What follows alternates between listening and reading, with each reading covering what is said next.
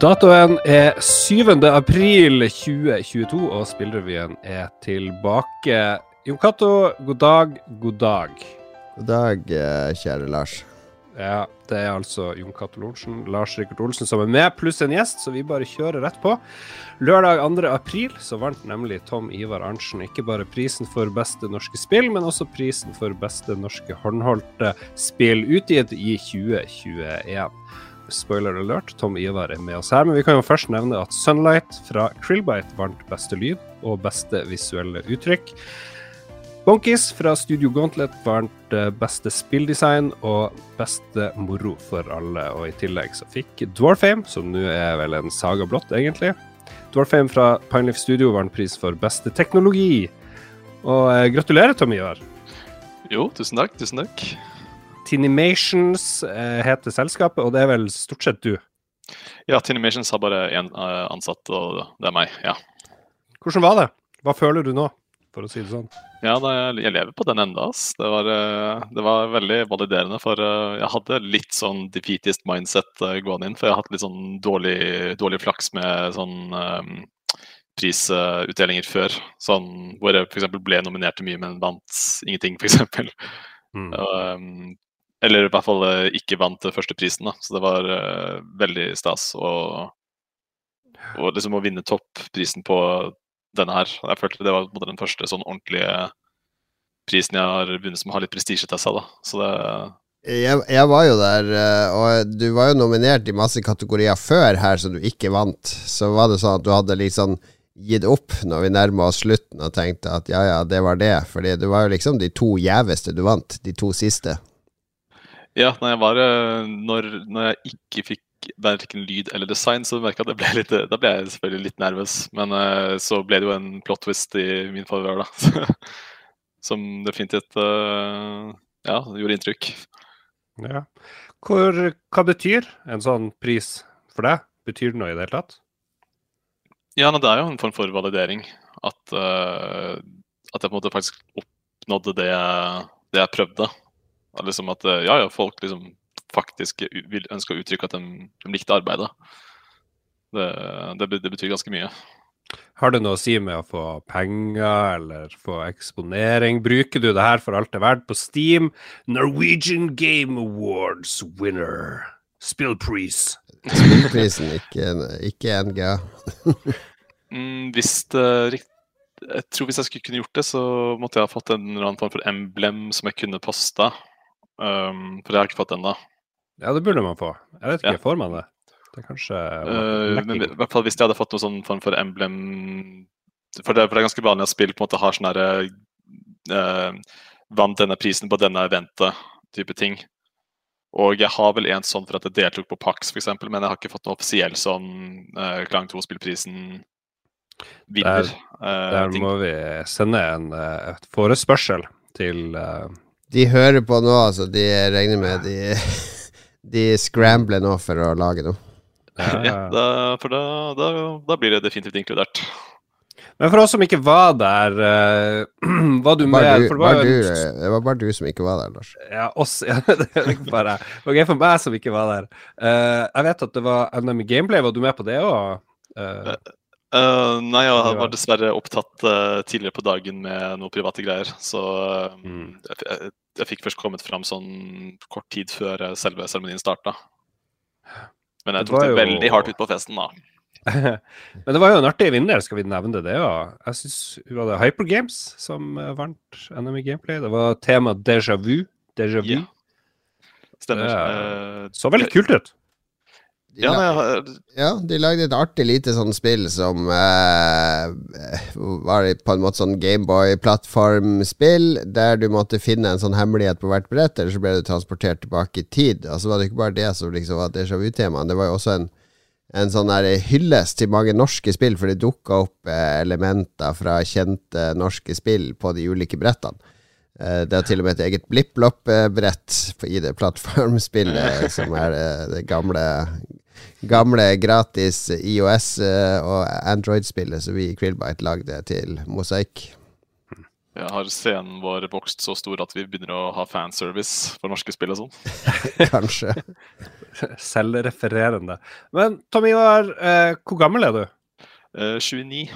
29. Folk ble jo greit kjent med deg da Jon Cato intervjua deg i vår eh, serie om uh, norsk spillbransje under pandemien. Men jeg, jeg tenker det kunne jo være kult å høre litt sånn uh, hvor din start var og sånt. For det, det tror ikke alle har helt fått med seg. Ja, det spørs hvor langt tilbake man skal gå. da, sånn Første møte med spill, eller første sånn faktisk forsøk på å lage spill. Vi kan ta begge deler. Første spillminne, go, go. Ja, det, det, var Mario Kart 64 på julaften, uh, way back i sånn 97 eller noe sånt. Det var, det var gode tider. Mm. Ungdommen i dag. Mario 64. Ja. Eh, Mario Kart 64. Mario Kart, ja. ja nei, um, jeg ble det var overraskende seint at jeg ble introdusert til Mario 64 og Crown of Time. Og Crown of Time tror jeg faktisk først Det var vel først i sånn 2001 eller noe sånt når jeg flytta sørover, så plutselig var en kompis bare 'Det heter Selda-spill, må prøve det.' Og bare, jeg var den eneste som hadde hørt om det, liksom.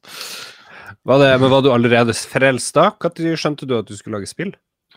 Når jeg skulle Jeg hadde vel egentlig først uh, Jeg var vel egentlig først mer sånn inne på tegneserier og mer sånn det visuelle. bare sånn Det var vel spesielt tegneserier. Jeg jo, ble jo veldig inspirert av sånn media som kom fra Japan, blant annet. Uh, men det at jeg faktisk skulle lande på spill, det var vel um,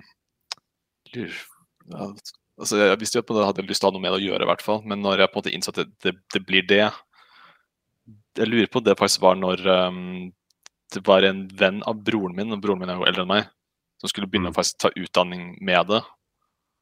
Og så bare innså jeg her kan du, hey, kan du faktisk lage spill, liksom. Hæ?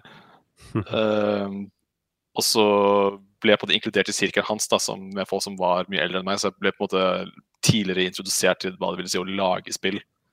Uh, før jeg på en måte skulle Eller før man vanligvis ville starta det løpet. da. Og Da ble jeg selvfølgelig litt sånn frelst og fikk jo, ble jo skikkelig gira på å få noe til med det. Du, du, er jo det vi eh, kaller en sånn soloutvikler, altså sånn multitalent som eh, både koder og lager grafikk og animasjoner og, og gjør det meste sjøl. Eh, hvordan endte du opp der? Er det sånn at du misliker sterkt å samarbeide med folk og er en enstøing, eller er det bare er det et kontrollbehov, eller? Nei, det var egentlig mest bare uflaks med at um, uh, Du kommer ikke overens med folk?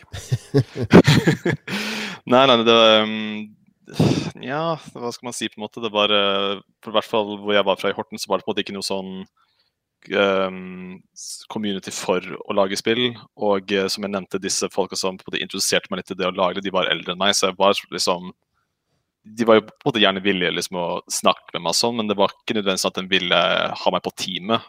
Jeg var for litt for ung for det, f.eks. Så selv om jeg mm. kjente mange fra Krillbite, for eksempel, så fikk jeg for ikke jobb på Krillbite. For eksempel. og så um,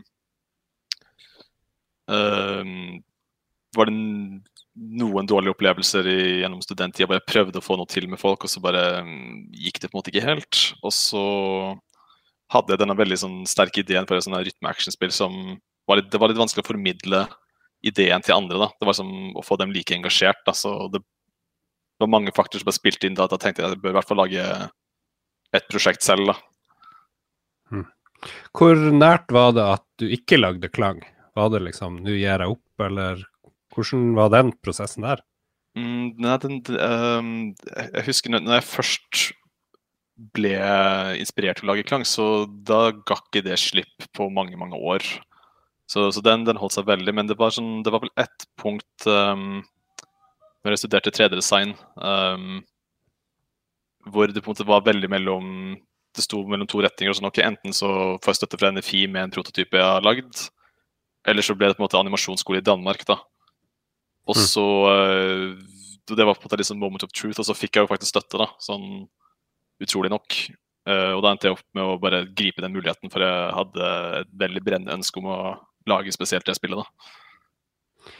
Er det Klang 3 som står på planen nå, eller har du tenkt å prøve deg på noe helt annet? Eller gå studie i Danmark?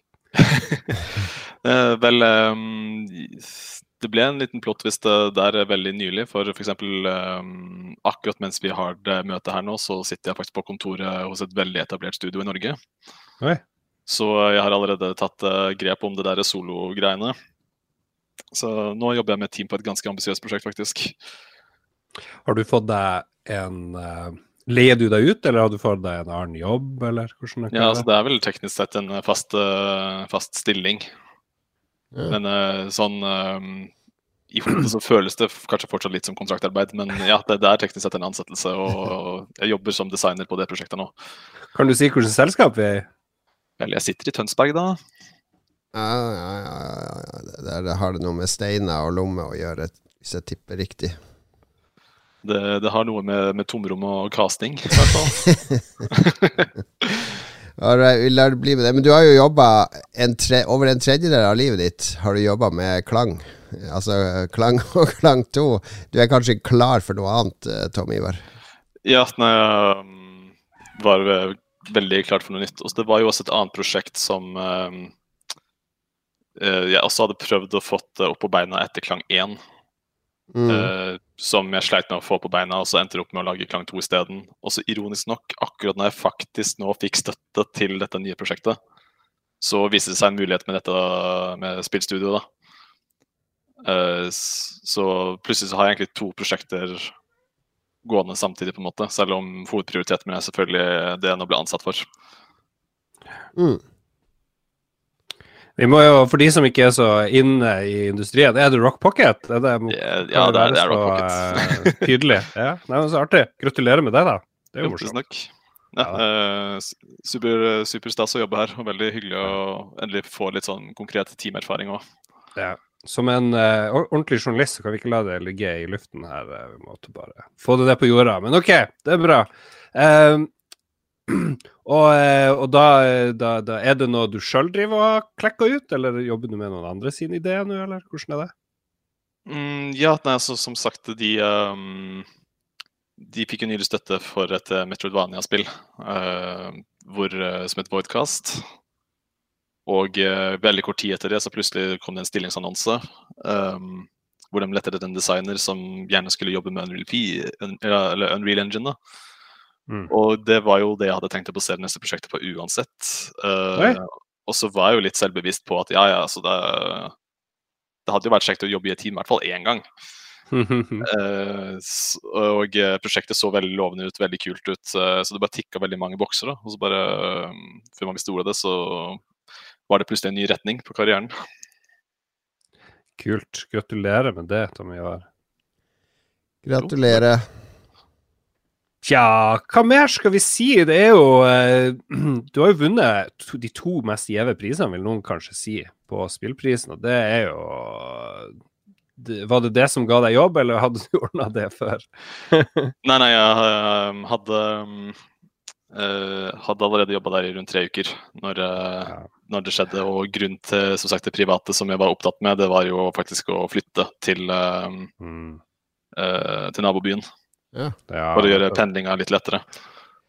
da kan du forhandle opp lønna, vet du. Det er perfekt! Jeg er 29 år og vunnet beste spill på spillprisen. Har laga og gitt ut to spill. Altså, Hva hadde du gjort da du var 29, Lars?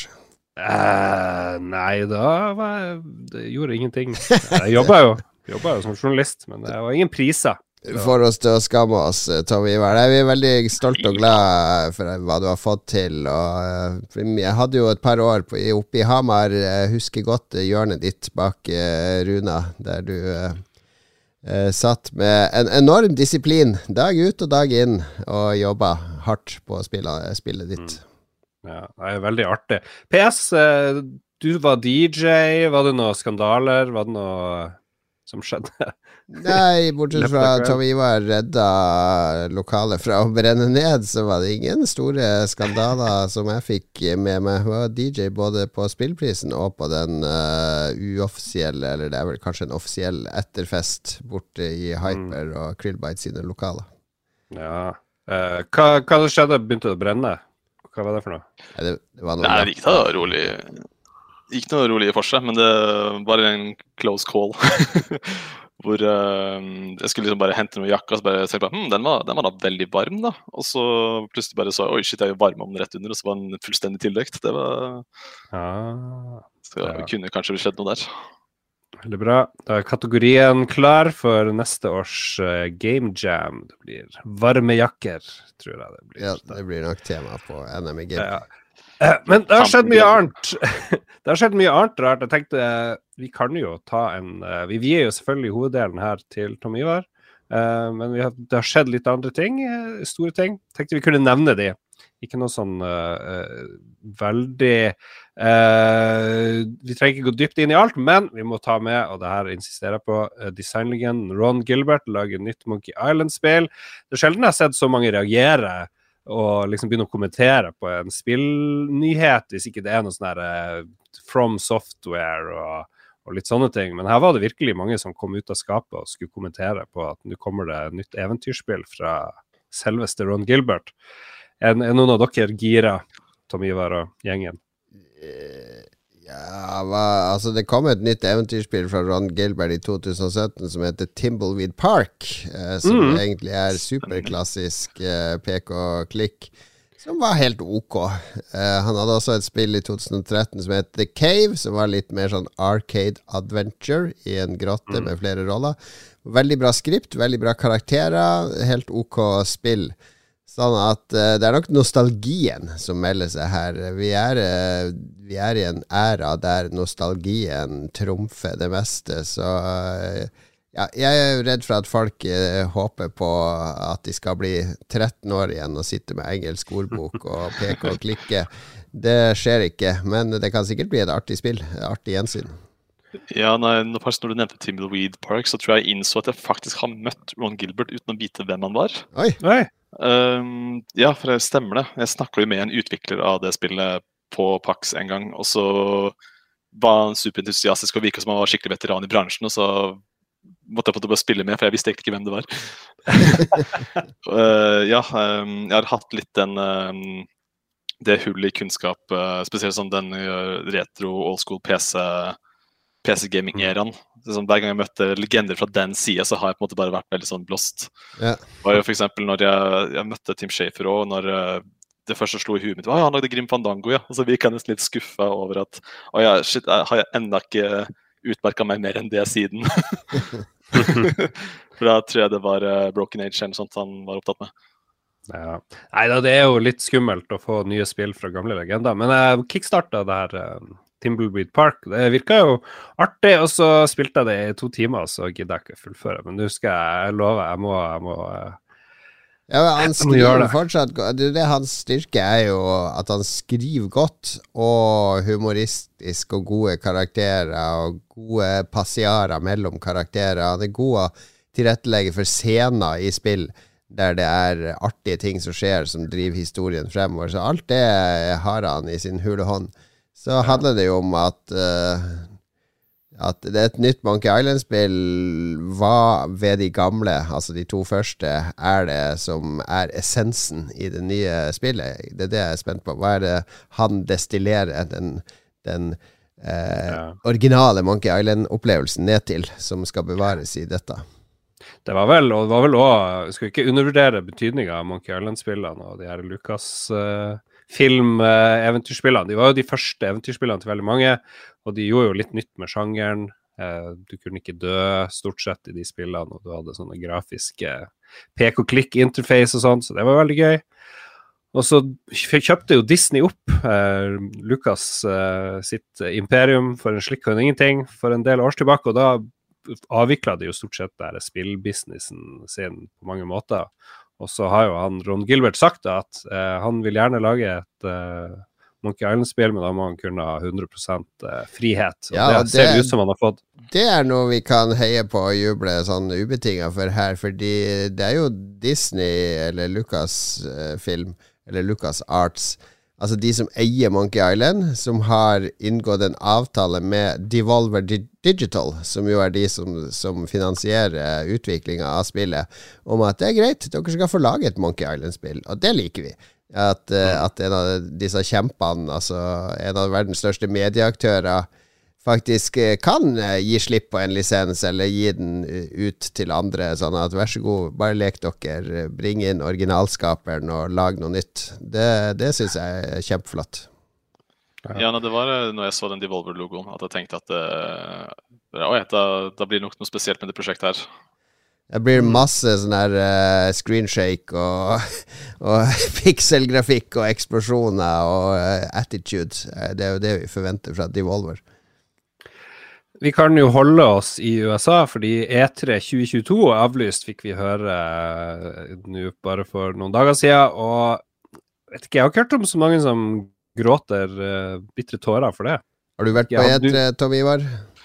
Uh, hmm, Los nei, Angeles. men jeg, var, jeg, har vært i Los Angeles én gang, så jeg, jeg, har vært på en skyskraper som, hvor du kunne se messa. Men jeg var aldri på selve messa. Nei. Uh, er det noe du uh, hadde lyst til å fære på? Uh, ja Altså, det hadde jo selvfølgelig vært uh, gøy å se en av de pressekonferansene live og sånn, men uh, mm. det, er, det er noe jeg følte jeg var litt over eh, den etere-fantasien innen jeg hadde kommet til punktet hvor jeg faktisk kunne dra dit. For, uh, for jeg vet jo også av erfaring sånn når du gjerne er på sånne messer, du, du står i kø. Så uh, f.eks. det å liksom vente på å spille spill og sånn, det, mm. det har aldri appellert så mye til meg. Det er uh, også gjerne derfor jeg ikke nødvendigvis koser meg så mye når jeg for er på Pax bare som, som, deltaker. For du får kanskje prøve sånn to spill maks den dagen. ja. Nei, akkurat det mm, Jeg var vel på E3 første gang i 2000 eller 99 eller noe sånt. Så jeg har vært der mange ganger, og det er jo klart mange gode minner fra det. Men det er jo fordi jeg har jobba som journalist og vært prioritert og møtt utviklere og alt mulig sånn. Men jeg var jo på den siste fysiske eteren som var før korona, og det var, det var begredelig. Altså, det var som en sånn der uh, Norges varemesse. messe. Altså, det var ingen av de store aktørene var der, nesten ingen. Eh, de fleste hadde litt sånn egne småshow rundt omkring her og der. Det var så nedskalert, og det føltes så billig. Det var ikke det der eh, ville amerikanske feshowet der du blir liksom mm. overkjørt av en dampveivals med lyd og lys og bilder og skjermer og folk som prøver å dra deg inn på stander. Det var, var som å gå på, på en hagemesse, liksom. Det var, det var vært skuffende. Ja, nei, jeg kan tenke meg Det må ha vært ganske magisk uh, å, å stått i salen når f.eks. Miyamoto sto på scenen og viste fram uh, det som skulle bli Twilight Princess for første gang, f.eks. Sånn, mm. Sånne øyeblikk de fikk jeg inntrykk av at det bare ble færre og færre av. Ja, og så var det noe med den tida Altså fra 1999 til 2006-2007 så var det fortsatt sånn at det du så Det var ikke så tilgjengelig på nettet, det som var på etere. Det var jo ikke livestream av konferansene. I stedet måtte du lese en write-up av en konferanse med noen skjermbilder fra et pressekit og noen sånne dårlige tatt uh, fotografier i salen, tatt med et digitalkamera.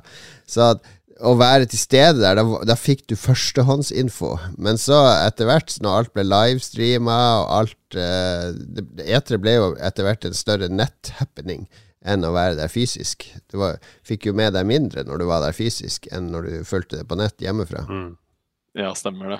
Uh, og jeg husker jo fortsatt første gangen det ble livestream. Jeg tror det var vel samme konferansen de viste frem We uh, ja. 2005 eller 2006 eller noe sånt, og det var sånn herre Holy shit! Liksom direkte feed rett inn i blodåra, liksom, med hva som kommer snart. Det var, det var så fett ass, når jeg var tenåring og så på det. Det var det beste jeg visste. Men tror vi um, E3 kommer tilbake noen gang? Eller er det historie? Jeg tror den tida der man måtte samle alle Altså Alle konkurrentene samles med spisse albuer og prøver å finte hverandre ut og, og trumfe hverandre med å ha det mest fortreffelige. Jeg tror det er over. For alle kontrollerer sitt eget budskap nå. Så EA, vi vil fortelle hva vi har i august. Uh, Sony, vi vil fortelle hva vi har i september. Vi vil gjøre det på våre egne premisser. Uh, det, ja, men det blir jo ikke like stort, da, tror jeg. Hvis alle gjør hver sin greie, ikke sant. Jeg driter jo oppi om eh, et sånn middels stort selskap har noe pressegreier, men hvis det skjer under E3, så er det mye større sjanse for at ja, jeg gidder å følge med. Du, premisset ditt er jo at det, det finnes en masse stor kundebase nå som er interessert i eh, helhetsperspektiv i spill. Som er interessert i både Nintendo og mobil og Xbox og PlayStation og Free to Play og kinesiske spill og koreanske spill og sære strategispill. Eh, du, du, går ut fra at det er majoritet, men det er bitte liten minoritet av spillere. Du har de som mm. spiller PlayStation, der har du 80 de som spiller Fifa og Gran Turismo, og de vil bare ha ja, Få høre hva som kommer på PlayStation. De driter jo i Xbox-konferanse og uh, Nintendo-konferanse og sånn. Bare si hva, hva jeg får på maskinen jeg har kjøpt. Ja, ja. Jo, det er sikkert litt sånn, men så har du jo vi som sitter der og venter på de store pressekonferansene. Ja, vi er i mindretall, og det må vi bare finne oss i, så da må vi heller tilrettelegge for å, for å lage kanaler og Get spillrevyen og sånn som hjelper deg å holde pulsen på det som skjer, du som er interessert i spill som kultur osv. Ja, det er jo også litt ironisk at uh, For jeg føler den trenden starta når Nintendo begynte med de directsa sine.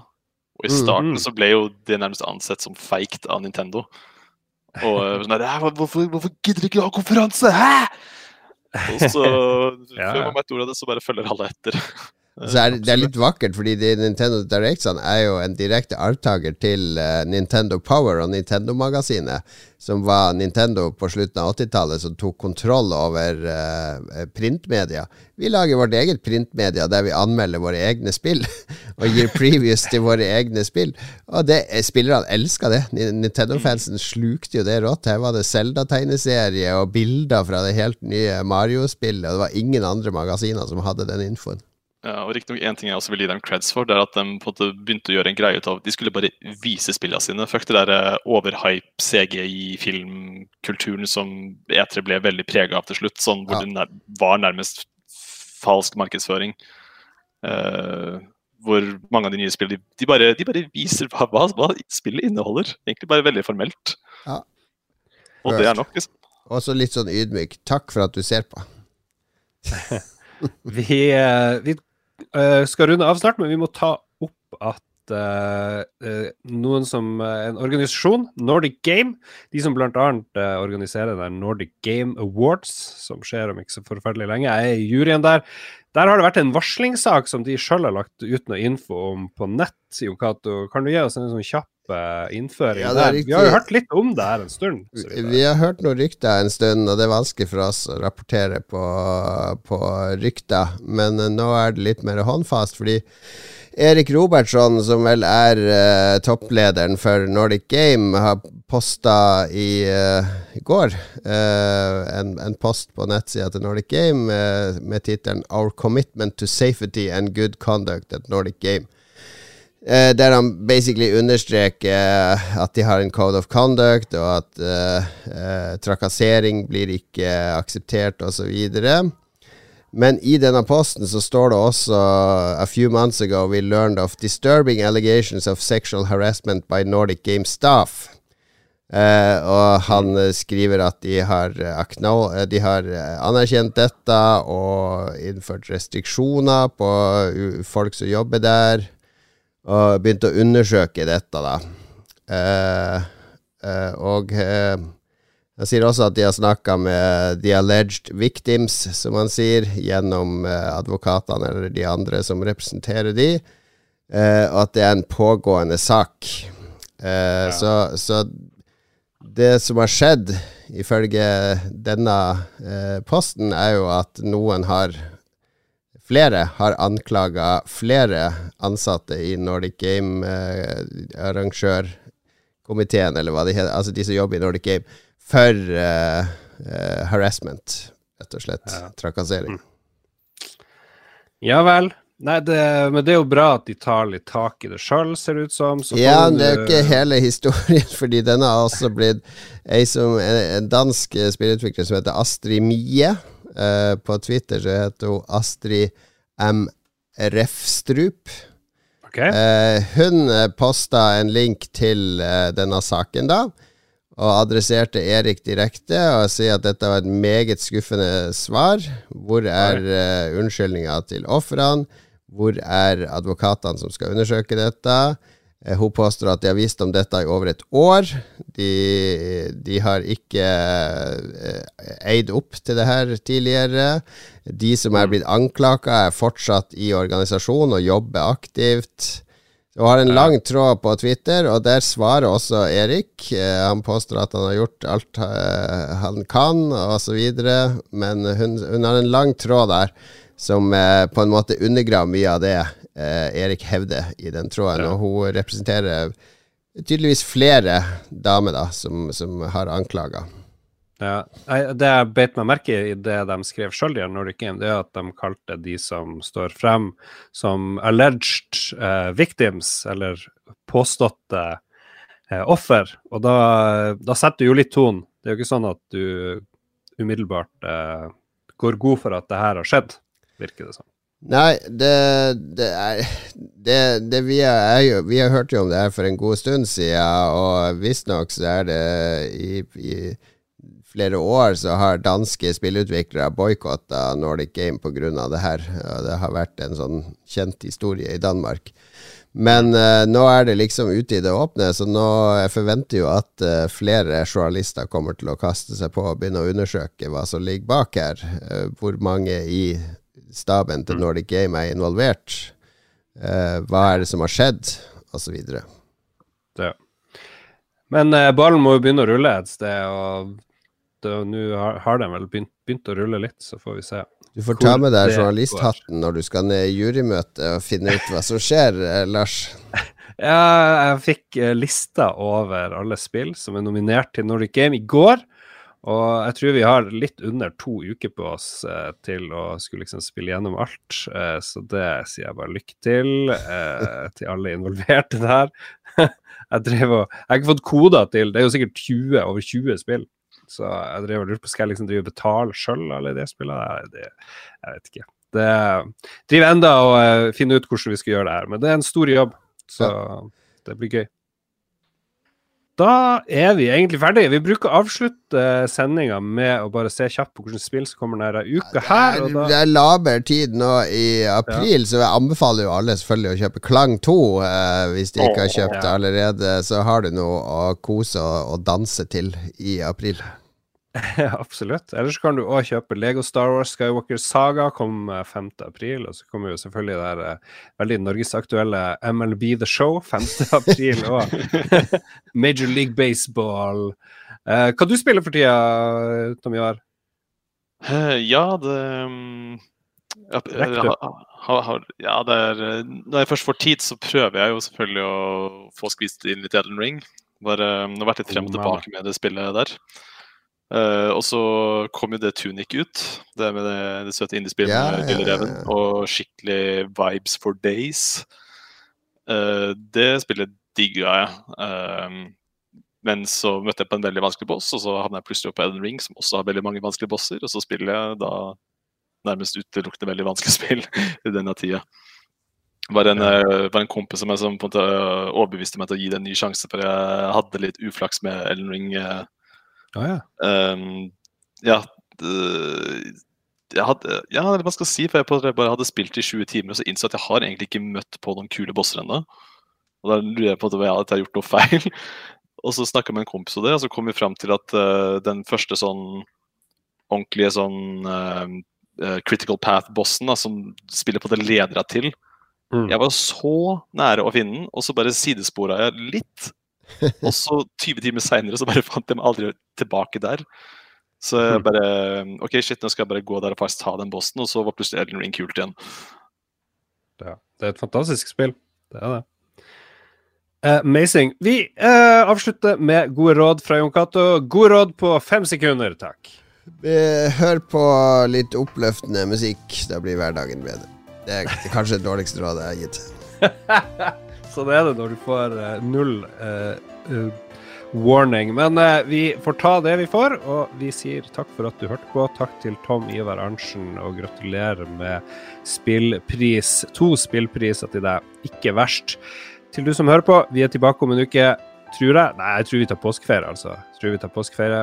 To uker, så er vi tilbake. Ha det bra. Ha det. God påske.